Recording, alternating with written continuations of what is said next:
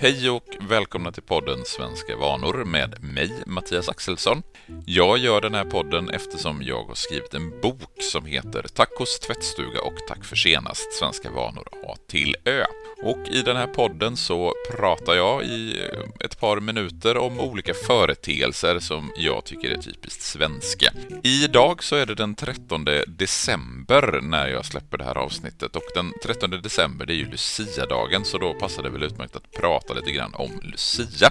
Eh, helgonet Lucia har ju gett namnet till dagen men har egentligen ingenting med vårt Lucia-firande att göra. För anledningen till att vi alls firar och uppmärksammar Lucia i Sverige, det är för att fram tills kalenderreformen 1753 så inföll vintersolståndet, det vill säga den i princip mörkaste natten på året, i anslutning till Lucia-natten. När man sen gjorde kalenderreformen 1753 så tog man bort ett antal dagar i kalendern, vilket gjorde att vintersolståndet hamnade på den 20 eller 21 december där det ligger idag. Men fram till mitten på 1700-talet så inföll vintersolståndet, alltså den mörkaste natten, just kring Lucia. Och det var därför som Lucia-dagen uppmärksammades som en brytningstid.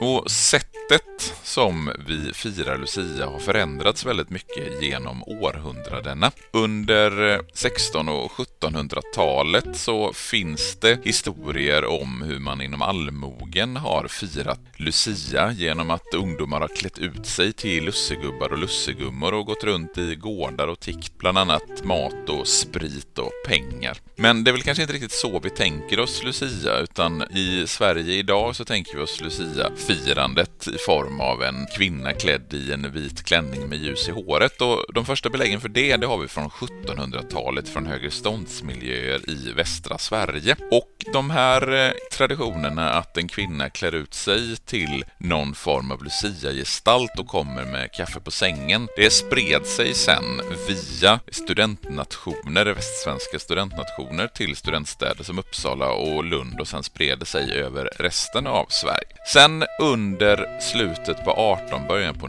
1900-talet så kan vi framförallt tacka Skansen för att ha fört traditionen att fira Lucia vidare. Och det stora genombrottet kommer i början på 1900-talet, 1927, när en Stockholmstidning röstar fram årets Lucia, vilket gör det till en stor grej. Och här i Göteborg, där jag bor, så hade vi under mitten av 1900-talet kunde tiotusentals människor samlas längs Avenyn varje Lucia för att se Lucia-tåget med den framröstade Lucian åka släde eller lastbil eller vad nu var hon åkte längs med Avenyn. Men det här firandet dalade i popularitet och under 60 och 70-talet och en bit in på 80-talet så blev det framförallt en ungdomsfyllefest, det vill säga var en natt då ungdomar var ute och festade. Det här såg man med oro på från eh, myndigheters sida och från kommunens sida. Man försökte stävja det och lyckades. Idag är Lucia inte en festkväll egentligen i någon större utsträckning, utan det det istället har blivit i, under senare tid från 90-talet och framåt, det är att man framförallt firar Lucia på förskolorna. Det är där Lucia-firandet lever vidare. Sen så blir det alltid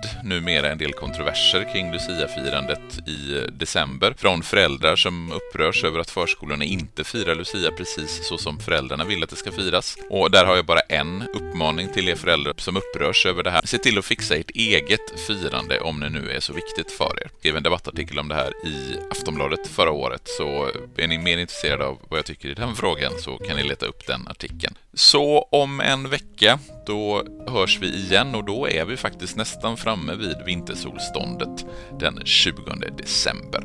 Ha det bra tills dess så länge, ha det fint, hej!